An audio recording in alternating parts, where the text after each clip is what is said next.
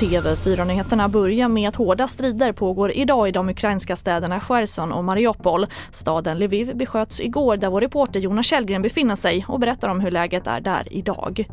Ja, idag är det lugnt. Eh, det var inga flyglarm under natten, har inte skett några nya attacker utan Lviv vaknar till en underbart vacker, nästan vårliknande morgon och eh, utan eh, att behöva känna att kriget är speciellt nära, just nu i alla fall.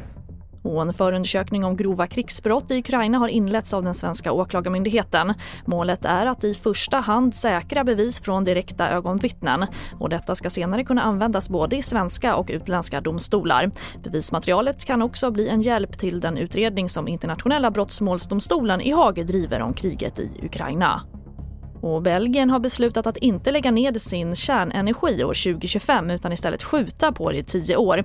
Anledningen är de skenande energipriserna i spåren av Rysslands invasion av Ukraina.